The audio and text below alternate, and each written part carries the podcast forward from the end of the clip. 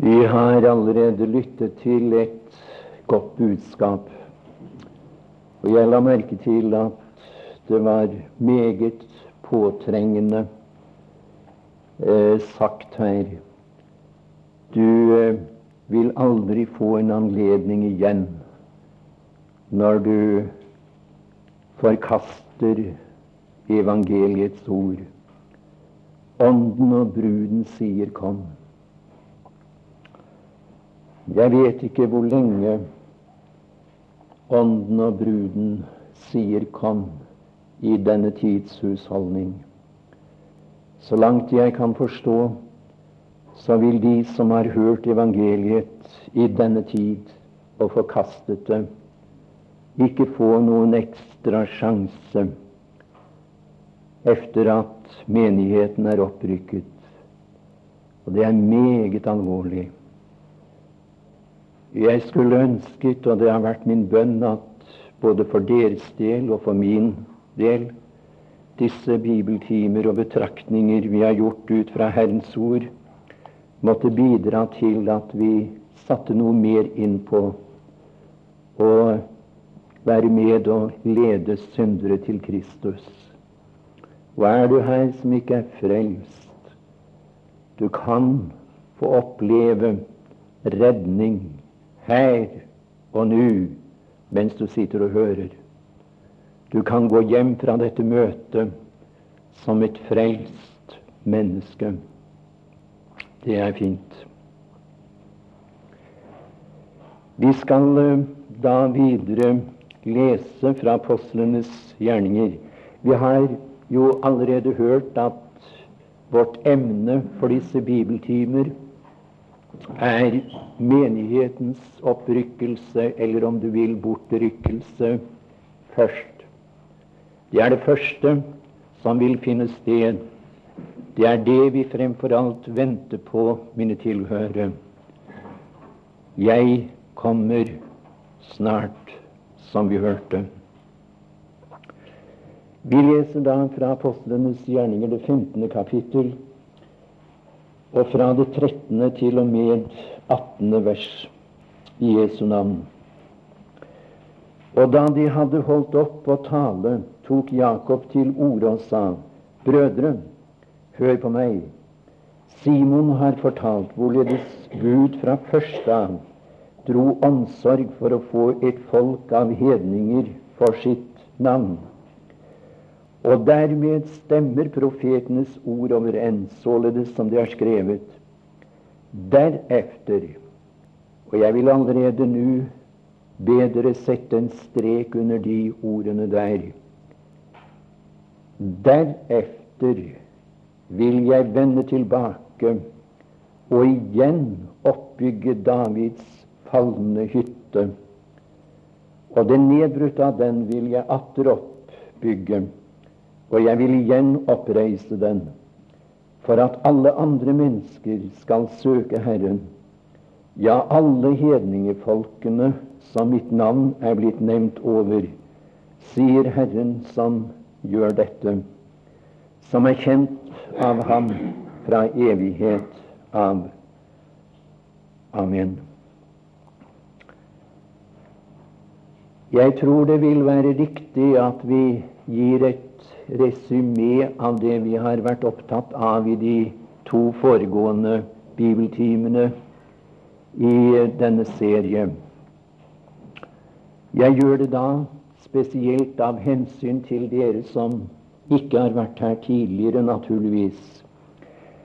Vi har understreket sterkt ut fra Guds ord at det er en begivenhet som vil finne sted før Kristi offisielle gjenkomst finner sted.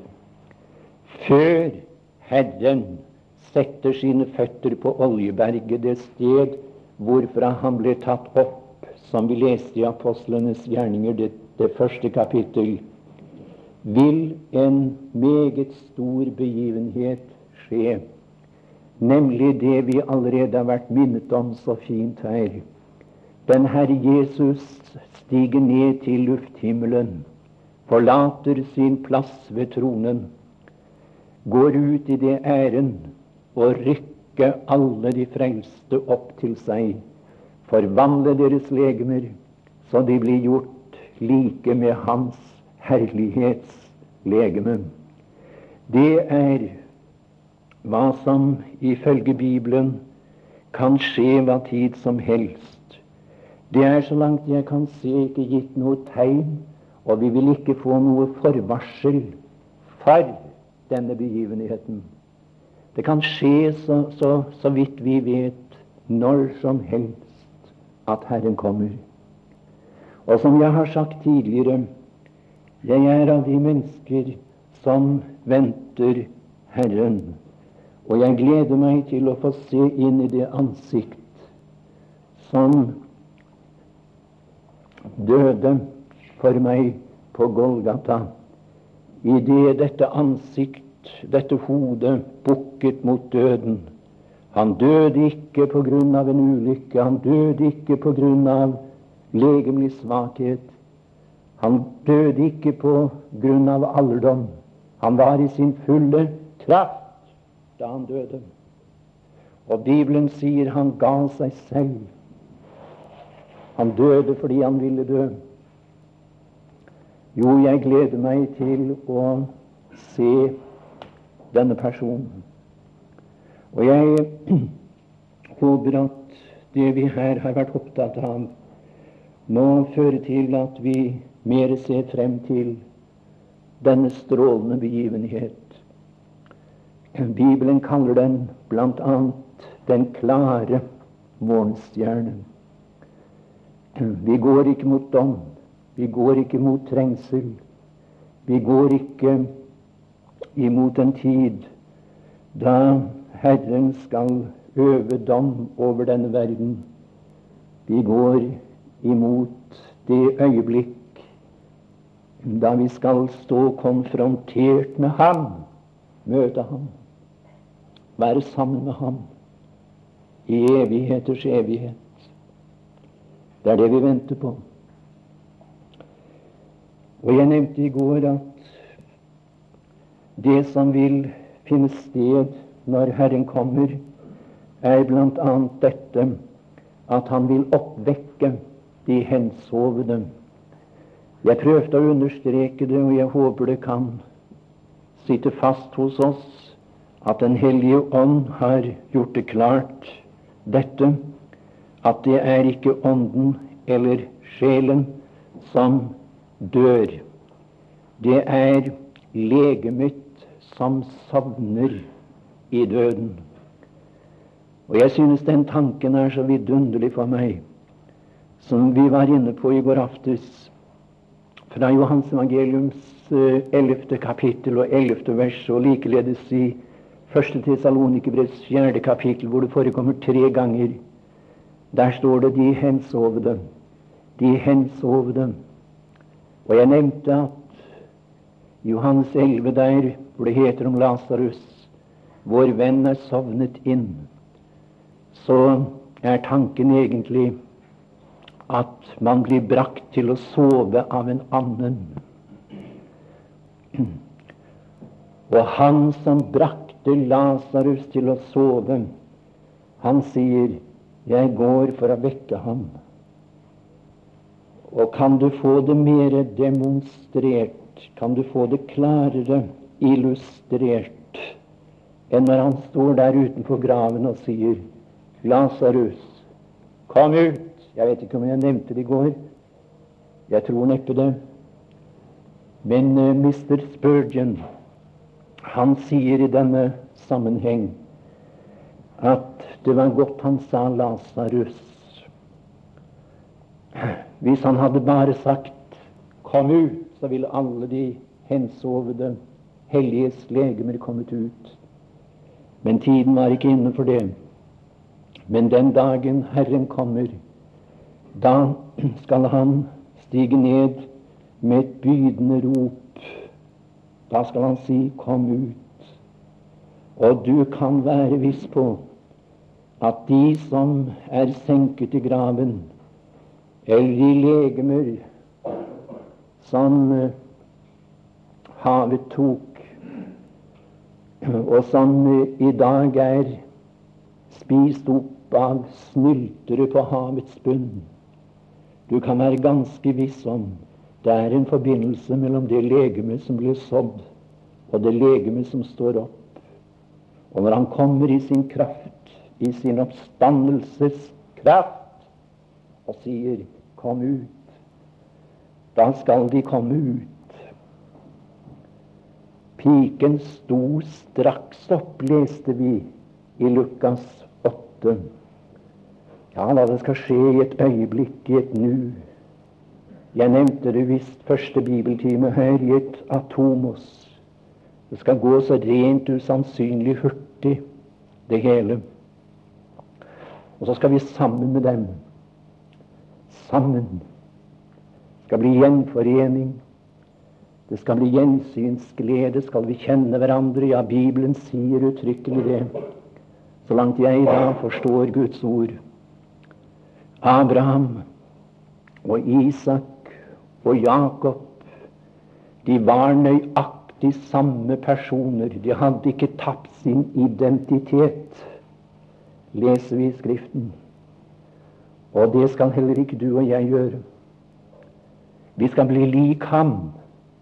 Og vil du vite, vil du se hvordan dette legemets, oppstandelseslegemets karakter vil være, så skal du bare lese om Kristi oppstandelseslegeme i Skriften.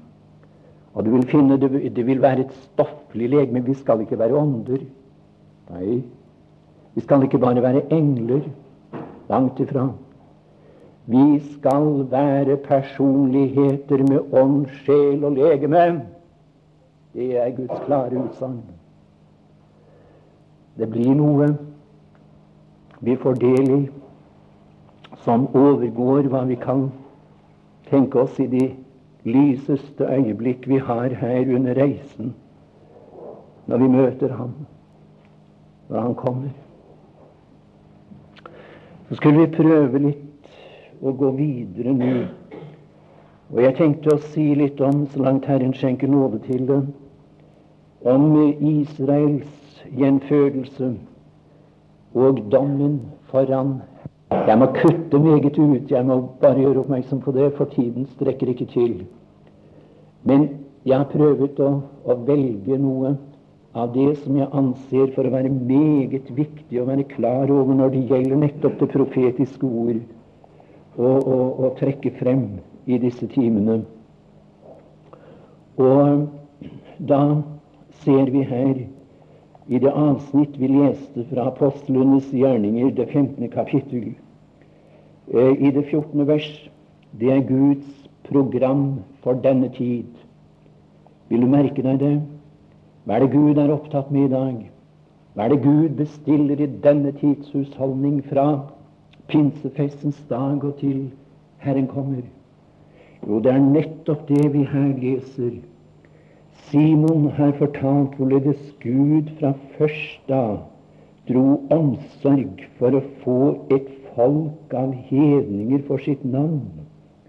Eller som det sto i den gamle oversettelsen eh, et folk av eh, Å kalle ut et folk av hedninger for sitt navn. Kalle ut. Eklesia, som er egentlig det greske ord for menigheten betyr en utkalt forsamling. Det er, det er, det Gud er interessert i denne tiden. Han er ikke opptatt med å gjøre verden god, verden kristelig, verden akseptabel for himmelen. Det synes som om mange går inn for det, setter sine krefter og sine evner inn på å gjøre denne verden god. Bibelen sier at denne verden modnes for Antikrist. Ikke for Kristus, men for Antikrist. Og kan det egentlig være så vanskelig å se det i dag, når vi ser på utviklingen også i vårt eget land? Når vi legger merke til det, eh, denne, denne uhyggelige utvikling på det moralske området Jeg synes vi må se det i øynene. Denne verden går ikke lysere, tid, lysere tider i møte. Det vil kulminere når de to personene som er representert i de to dyr i Åpenbaringens bok, det 13. kapittel, stiger frem på arenaen, nemlig den politiske fyrste fra Rom og den religiøse hersker i Jerusalem, nemlig Antikrist. Det er det verden må se frem til.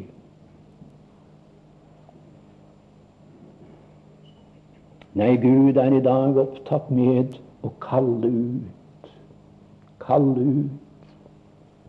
Og skulle det være noen her, som jeg har sagt tidligere Jeg vil ikke holde en bibeltime, jeg vil ikke holde et møte med mindre jeg regner med at det kan være en eller annen som er til stede, som ikke er frelst, som ikke er født på ny, som ikke hører Herren til.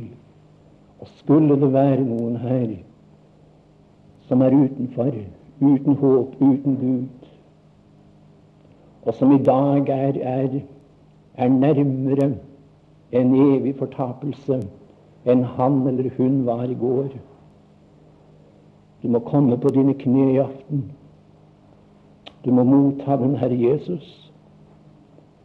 Du må si, Herre Jesus, takk at du døde for meg. Det begynner der, godt folk. Det begynner ved Golgata. Takk at du døde for meg. Det er tilstrekkelig, det, skjønner du. Det skal ikke mer til. Han står der rede. Du skal slippe å banke på. Det er han som banker på hos deg i dag. Det er saken. Det er her det er lukket, ikke der. Det er åpent. Og om det kunne bli resultatet av disse timer Vi fikk se noen igjen som skal stråle i, i hans diadem, en stjerne i evigheten. Ja, det kan skje. Gud være takk. Det kan skje her og nå. Jeg, jeg, jeg holdt et møte eh, på Karmøy for noen år siden, og da jeg sto og talte der, var det en som ropte Dere må be for meg, sa han. Jeg vil bli frelst. Jeg vil bli frelst midt i prekenen min. Og du kan være viss på at prekenen, den avbrøt jeg med glede. Og vi bøyde våre kne og ledet en synder til Kristus. Ja, det er fremfor alt målet med forkynnelsen, med vårt arbeid, vår tjeneste, å lede noen til ham. For sjelenes skyld, og ikke minst for hans skyld, som har gitt alt for å redde syndere. Jo, han er opptatt med å kalle ut i dag, danne forsamlingen, menigheten, legemet, som vi talte litt om hos Kittelsen i går aftes. Noen unge venner var samlet der. Dere husker det? Det er forsamlingen det gjelder. Det er Kristi vordende brød. I, i, i, I, Det gamle testamentet, vi nevnte det, da ble de frelst som individer. I dag blir vi ved gjenførelse lemmet inn i legemet, det mystiske legemet som Kristus er hodet for, denne vidunderlige organisme som vi var inne på. Finner det riktig å gjenta det, for det er uhyre viktig å være klar over. Ja, vi skal, vi skal se på det som jeg ba dere understreke, nemlig det 16. vers her, som vi leste fra Apostelens gjerninger. Der står det derefter, derefter Altså, når menigheten er tatt ut, og menigheten er fjernet fra den verden og, og brakt hjem til Herren, så heter det deretter Det er noe mer som skal skje, med andre ord. Deretter vil jeg vende tilbake. Og i hvilket ærend kommer han da? Ikke for å rykke menigheten opp, men hør nå. Etter at det er skjedd, så skal han vende tilbake og igjen oppbygge Davids falne hytte. Merk deg det uttrykket der. Eh, Davids falne hytte. Det er meget betegnende for den tilstand jødene eller Israel befinner seg i for nærværende tid.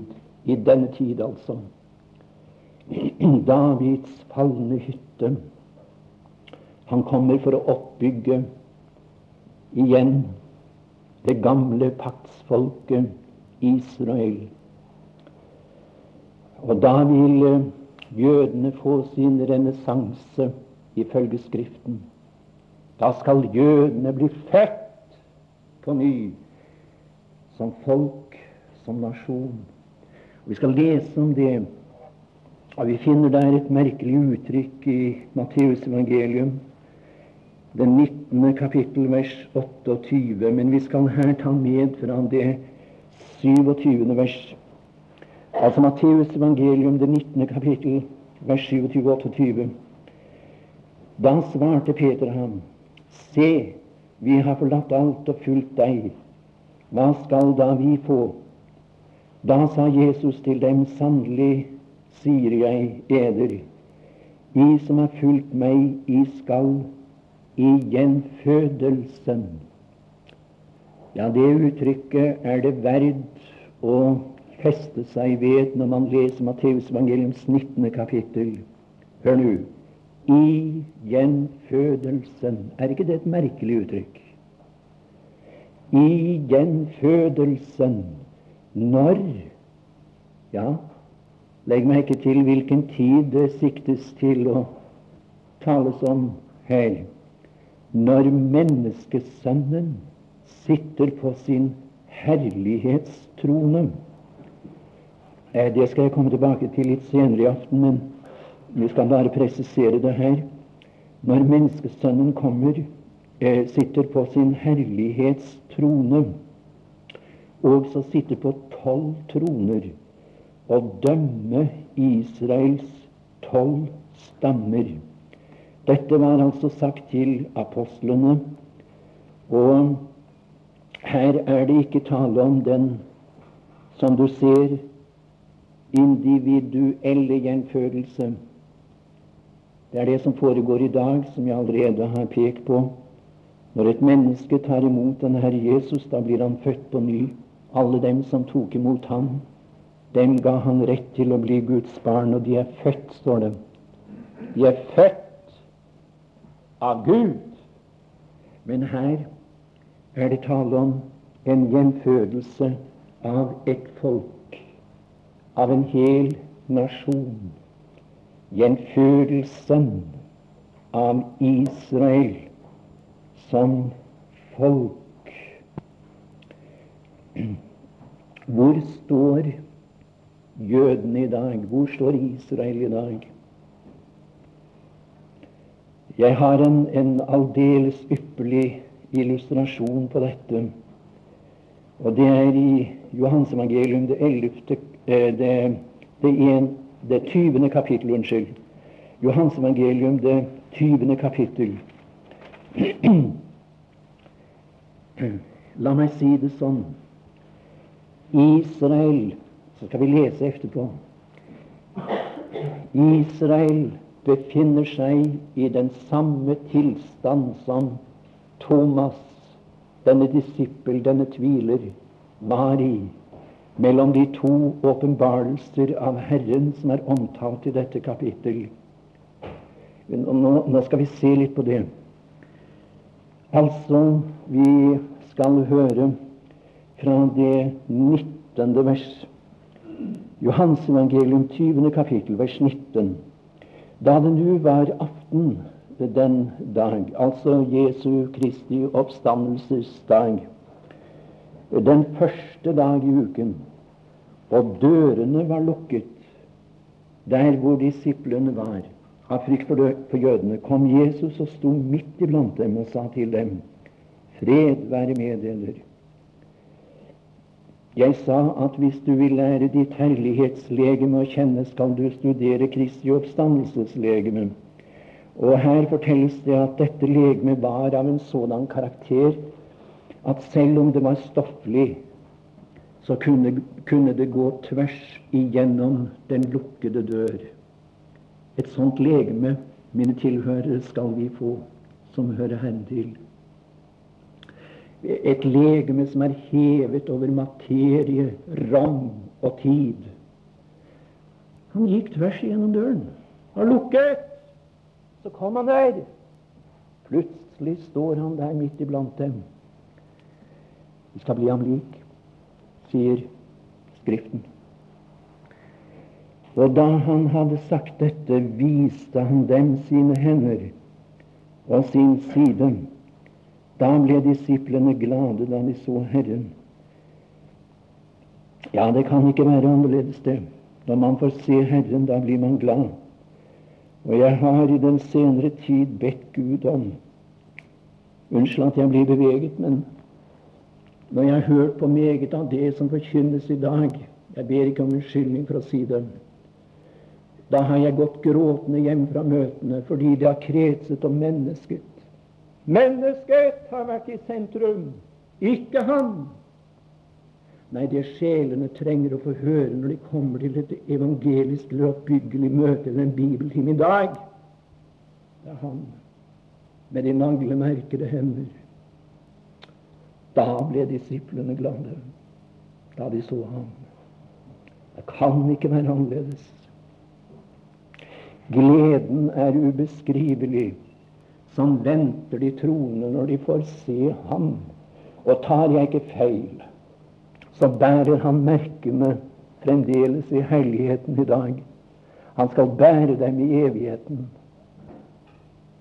Merkene fra Golgata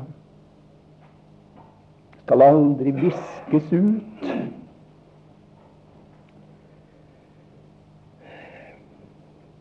Vi skal lese litt fra det 24. vers, altså samme kapittel, Johans evangeliums 20. Men en av de tolv Thomas, det er tvi, tvilling, var ikke sammen med dem den gang Jesus kom. Thomas var ikke på plass der da. Han var uh, ikke til stede, altså. Men eh, da disiplene her møter Thomas omsider, så heter det de andre disipler sa da til ham, Vi har sett Herren. Men han sa til dem, uten at jeg får se naglegapet i hans hender og stikke min finger i naglegapet og stikke min hånd i hans side, vil jeg ingenlunde tro.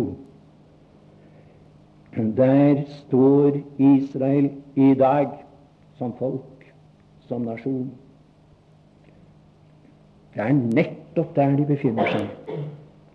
Thomas er her, som jeg allerede har sagt, en glimrende illustrasjon på der dette folk befinner seg i menighetens tidshusholdning før den Herre Jesus kommer for å opprykke forsamlingen, menigheten. De sier uten at jeg får se, så vil jeg ingenlunde tro.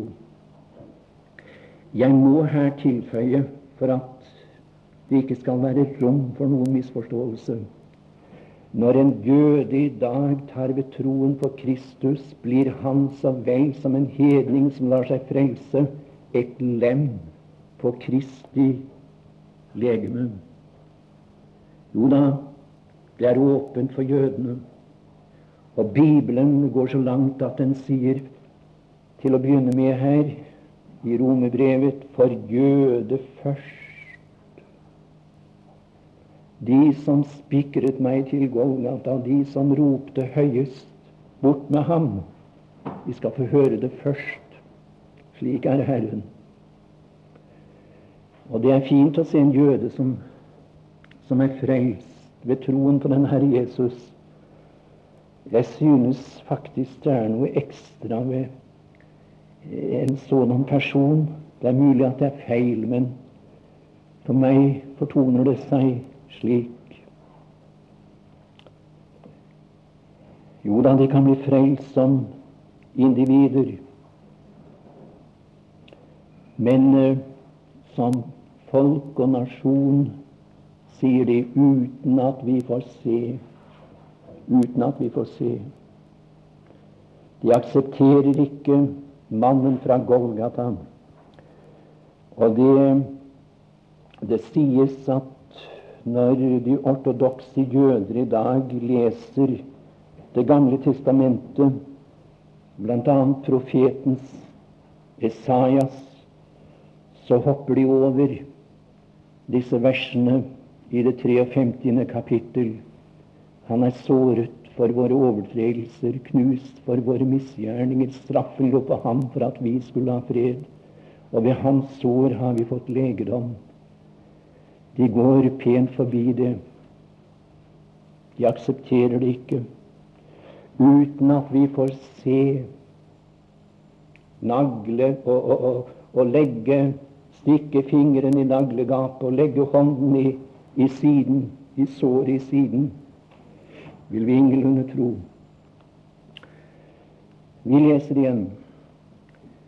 Og åtte dager derefter var hans disipler atter samlet, eh, eh, atter inne, og Thomas med dem.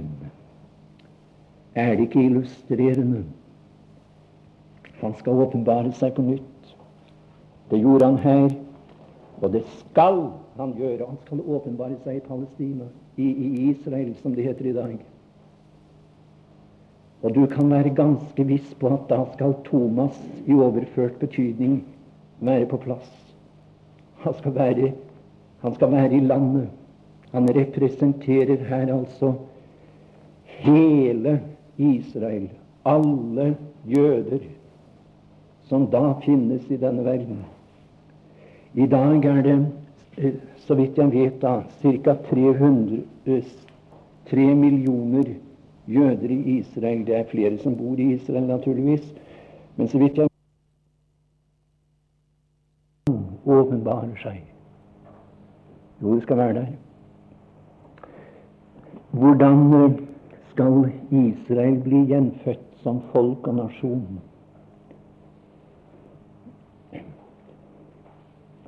Vi har en, en veldig illust, eh, fin illustrasjon også på dette i Skriften.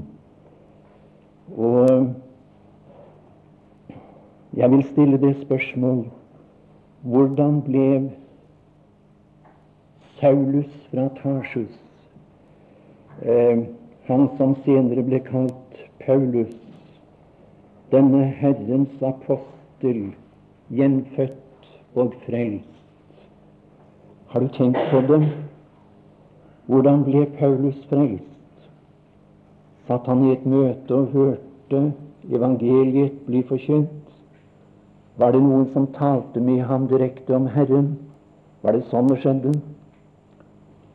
Nei, det var ikke sånn det skjedde med Paulus. Eh, vi kan lese om det i det 9., 22. og 26. kapittel i eh, apostlenes gjerninger. Men vi kan ikke ta tid til det nå, for da ville tiden gå fra oss. Men jeg viser altså til disse tre kapitlene i apostlenes gjerninger. Jeg gjentar kapittel 9, kapittel 22, kapittel 26. Og der vil du finne eh, nokså nøye omtalt i detalj hvordan Paulus ble frelst, ble gjenfødt. Hvordan skjedde det? Jo, jeg skal si deg hvordan det hendte. Midt på dagen, forteller han, så så han et lys fra selve himmelen som var skarpere, klarere enn en, en, en solen. Og det var en som talte der. Det var en som sa, 'Saul, Saul, hvorfor forfølger du meg?' Paulus ble frelst ved en spesiell åpenbarelse av Kristus fra himmelen. Slik ble han gjenfødt. Det sier Skriften uttrykkelig. Eh, nå vil jeg ta dere med til, eh, til første Korintiebrev og det 15. kapittel. Og Vi skal lese der spesielt det niende vers, men det fortelles her at uh, apostlene så Herren etter hans oppstandelse. 500 brødre så han på én gang, heter det. Og Jakob, uh, denne uh, apostel, så han. Så heter det i vers 9 Men sist av alle ble han òg sett av meg som det ufullbårne foster. Jeg vet ikke om du har streket under de to eh, de tre ordene i 1. Korinterbrevs 15. kapittel vers 9, men jeg vil anmode deg om å gjøre det. Han kaller seg selv det ufullbårne foster. For jeg er den ringeste av apostlene, jeg er ikke verd å kalles apostel. Den mannen var ikke høy i hatten, det skal jeg si deg. Den mannen var liten. Den mannen levde i Herrens nærhet. Der blir man ikke stor. Der blir Herren stor. Men han kaller seg det ufullbårne foster. Han representerer sitt folk, jødene, Israel, det gamle paktsfolk som Herren handlet med fra Abrahams tid av. Og så sier han, 'Jeg er et ufullbårent foster'. Må jeg få lov å understreke nå? Denne boken erklærer det fosteret skal en gang bli fullbårent. Når vil det skje? Jo, det vil skje på nøyaktig samme måte som det skjedde med, med apostelen Paulus. Kristus selv skal åpenbare seg fra himmelen for Israel. Det skjer når han stiger ned til Oljeberget. Da skal hele Israel bli frelst. Da skal de være på plass i landet, som jeg allerede har understreket. Og Sakarias' bok, det tolvte kapittel og tiende vers, sier at de skal skue opp til ham som de har gjennomstunget, og de skal sørge over ham. De skal gråte over ham. Da vil underet skje. Og vi skal lese om det igjen. Vi, vi kontakter uh, Esaias 66 66, eh, altså det syvende og åttende vers. Esaias 66, 7 og 8. Før hun var i barnsnød. Og her er Israel omtalt som Kristi mor. Kristi mor. Vi vet at uh, ifølge Johansevangeliums fjerde kapittel så kommer frelsen fra jødene. Og i Romerbrevets niende kapittel der sies det uttrykkelig at den Herre Jesus er kommet av Israel. Så Israel omtales i Skriften som Kristi mor. Sånn er det også her. Før hun var i barnsnød, har hun født. Før veiene kommer over henne, har hun født et guttebarn til verden. Har dere noen, noensinne hørt om en mor som har født et barn før veene begynte? Jeg har aldri hørt det, bortsett fra det ene tilfellet her. Ser du noe her? Ser du at Kristus ble født for snart 2000 år siden? Og enda er ikke veene begynt. Veene, ifølge Matteus 24. Eh, kapittel, skal begynne eh, når Åpenbaringens bok, det sjette kapittel, går i oppfyllelse. Der står det nemlig i Matteus 24 dette er begynnelsen til veene.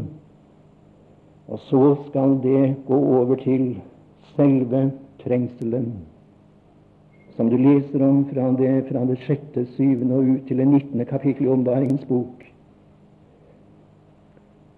Før hun var i barnsnød, har hun født et guttebarn til verden. Ja, det er hva Skriften sier. Og vers 8. Hvem har hørt slikt? Hvem har sett sådanne ting? Kommer et land til verden på én dag? Eller fødes et folk på, på, på én gang? For Sion har vært i barnsnød, og med det samme født sine sønner. Ja, det skal skje på én dag. Det skal skje på den dagen den Herre Jesus kommer med alle sine hellige, og som jeg sa i går, viser frem produktet fra Golgata. Skal være med, vi skal være med deg og folk. Vi skal bli vakre en dag. Det skal ikke være noen plett, ikke noen ujevnhet ved vårt liv som det er i dag. Han skal beundres gjennom de troende, de frelste, som han har fått ført hjem. Ja, det, det er perspektiv over det, som dere forstår. Når Kristus da sitter på Davids trone og regjerer over en forvandlet jord. Først da blir det fred på vår jord. jeg syns det er så fint når Arthur Eriksson synger den sangen. Det skal bli frid på vår jord. Ja, det skal det bli. Men ikke før fredsfyrsten kommer. Ikke før den Herre Jesus stiger ned. Når han kommer i karakter av konge så må vi ta tid til å Ja, jeg må få lov å bruke litt mer tid.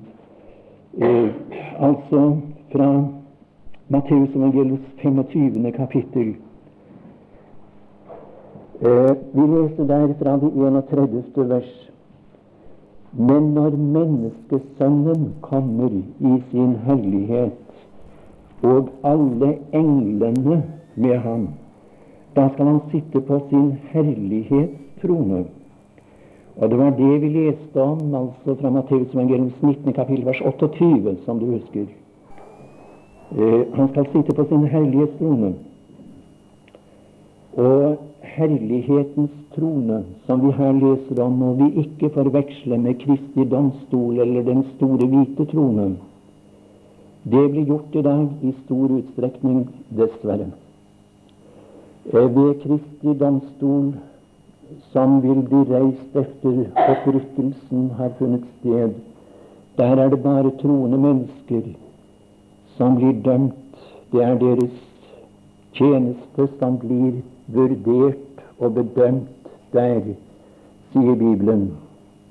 Dessverre kan vi ikke gå i detalj her nå, men jeg håper at dette kan bli klart for oss.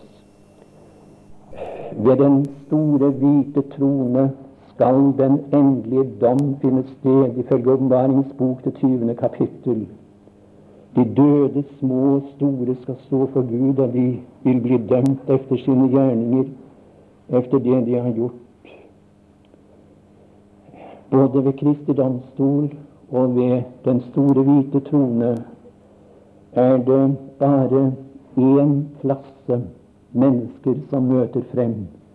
De troende for Kristi domstol, nådeforkasteren, den ugudelige for den store, hvite trone.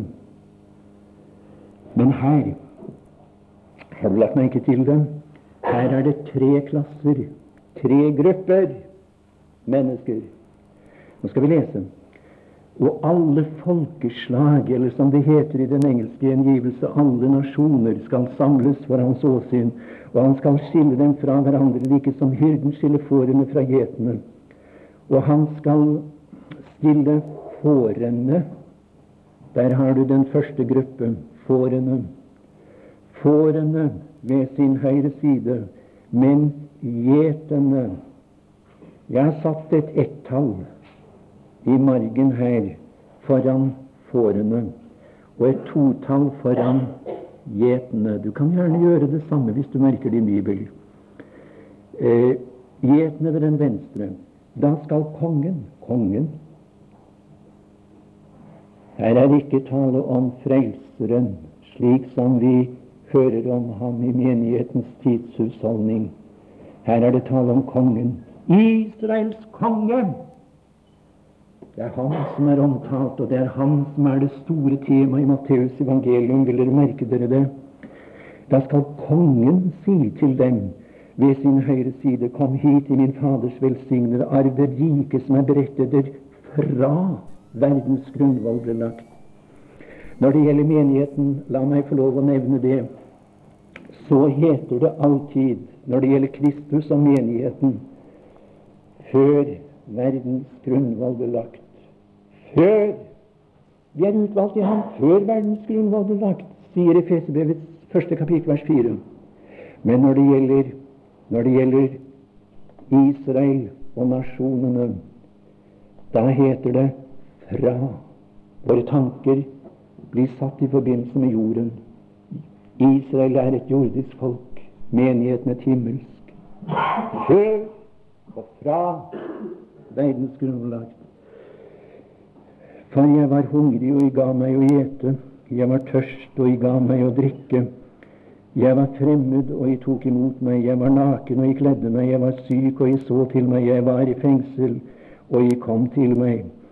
Da skal de rettferdige svare ham og si, Herre, når så vi deg hungrig og ga deg mat, eller tørst og ga deg drikke?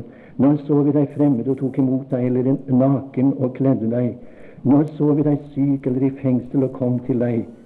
Og kongen, der har du det igjen, kanskje du streker under det på nytt. Kongen skal svare og si til dem, sannelig sier jeg eder, hva jeg har gjort imot en av disse mine minste brødre. Der har du den tredje gruppen. Må jeg få lov å gjenta det? Altså fårene, vers 33, gjetene, samme vers, og vers 40, Kristi minste brødre. Og det det blir spørsmål om, og som blir det avgjørende i dommen for hellighetens trone, for menneskesønnens domstol, når Kristus reiser denne trone ved sin, eh, ved sin synlige gjenkomst. Det blir dette hva nasjonene, de levende nasjoner, har gjort imot Kristi minste brødre, nemlig Israel. Nærmere bestemt de 144 000 beseglede, som Åpenbaringens bok, det 7. og 14. kapittel, omtaler. Når de går ut med et spesielt evangelium, nemlig evangeliet om riket. Evangeliet om riket.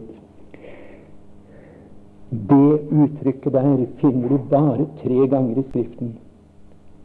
Det uttrykket forekommer i Matteusevangeliums 4. kapittel og 23. vers, 9. kapittel 35, 24. kapittel og 14. vers. Bare de tre stedene finnes det uttrykket evangeliet om riket. Det var det Kristus og apostlene forkynte da de begynte virksomheten i denne verden. De tilbød Israel riket. Og i Matteus evangeliums 24. kapittel, der, der er den antikristelige store trengsel omtalt. Og etter at menigheten er borte fra den jord, og Herren vender seg til Israel på nytt, vil han ta ut 144 000. Og jeg tror at vi skal ta det tallet som det står i bokstavelig mening, og legg merke til at i det tredje verset i Åpenbaringens bok, det syvende kapittel, er disse 144 000 kalt Guds tjenere. De skal tjene ham. Hvordan skal de tjene ham? Jo, Matteus 24, 14 sier de skal proklamere evangeliet om riket for alle nasjoner, for alle folkeslag. Og er det noen som er mer kvalifisert til denne oppgave, til denne gjerning, enn jødene, som da er samlet i Israel? Praktisk talt hvert eneste språk i verden er representert der. Jo, de skal kunne klare å proklamere dem. De kjenner enhver nasjons seder og skikker, disse jøder som er samlet der. Hva er det egentlig evangeliet om riket går ut på, spesielt dette? Kristus kommer som konge. Det er ikke det vi i første rekke er opptatt av i dag. I dag er det lovens evangelium som bringer som ved og mot. Når vi mottar det, så blir vi brakt inn i en himmelsk stilling i Ham. Etter at menigheten er borte, skal han vende tilbake, ta seg av sitt jordiske folk, bygge opp Israels falne hytte, og gjennom disse tjenere skal han rope ut over denne verden. Kristus kommer i karakter av konge for å opprette sitt rike her på jorden. Ser du Guds program i dag? Guds program i en kommende tid. Ja, det var som sagt svært meget, meget mer jeg hadde på hjertet, men vi får stoppe der. Og jeg vil gjerne få lov å si Kom til den Herre Jesus. Enda en gang vil jeg si det. Før stormen bryter innover denne verden. Du må komme før Herren kommer til luften. Fader og gode Gud, vi takker deg fordi vi i stillhet og fred kan få være samlet om ditt dyrebare ord. Vi takker deg fordi det er så rikt. Jeg takker deg, Herre, at etter å ha lest det i, i så mange år og prøvet å være opptatt med det, så er det mer sprudlende og friskt for mitt hjerte i dag enn det har vært noensinne før. Og jeg takker deg fordi at vi kan få se imot, se frem imot, ikke dom og vrede, men imot ditt komme, Herre Jesus, til luften. Jeg takker deg at du vil gjøre det så ved din Hellige Ånd, som har tatt bolig i hver enkelt trone, at disse sannheter fester seg i vår ånd, og at eh, det må bidra til at vi kunne tenke dypere over disse tingene og bli ledet av din ånd inn i det profetiske ord. Det står at vi gjør vel i å akte på det som på et lys som skinner på et mørkt sted, inntil dagen bryter frem og månestjernen går opp i våre hjerter. Velsign hvert enkelt hjem som er representert her. Å Herre, må de som sitter hjemme i aften, få merke at når vi kommer hjem, har vi vært avsides med deg, vært opptatt med deg. må du få prege vårt liv. Å Herre, du er det verdt, du er det verdt. Amen.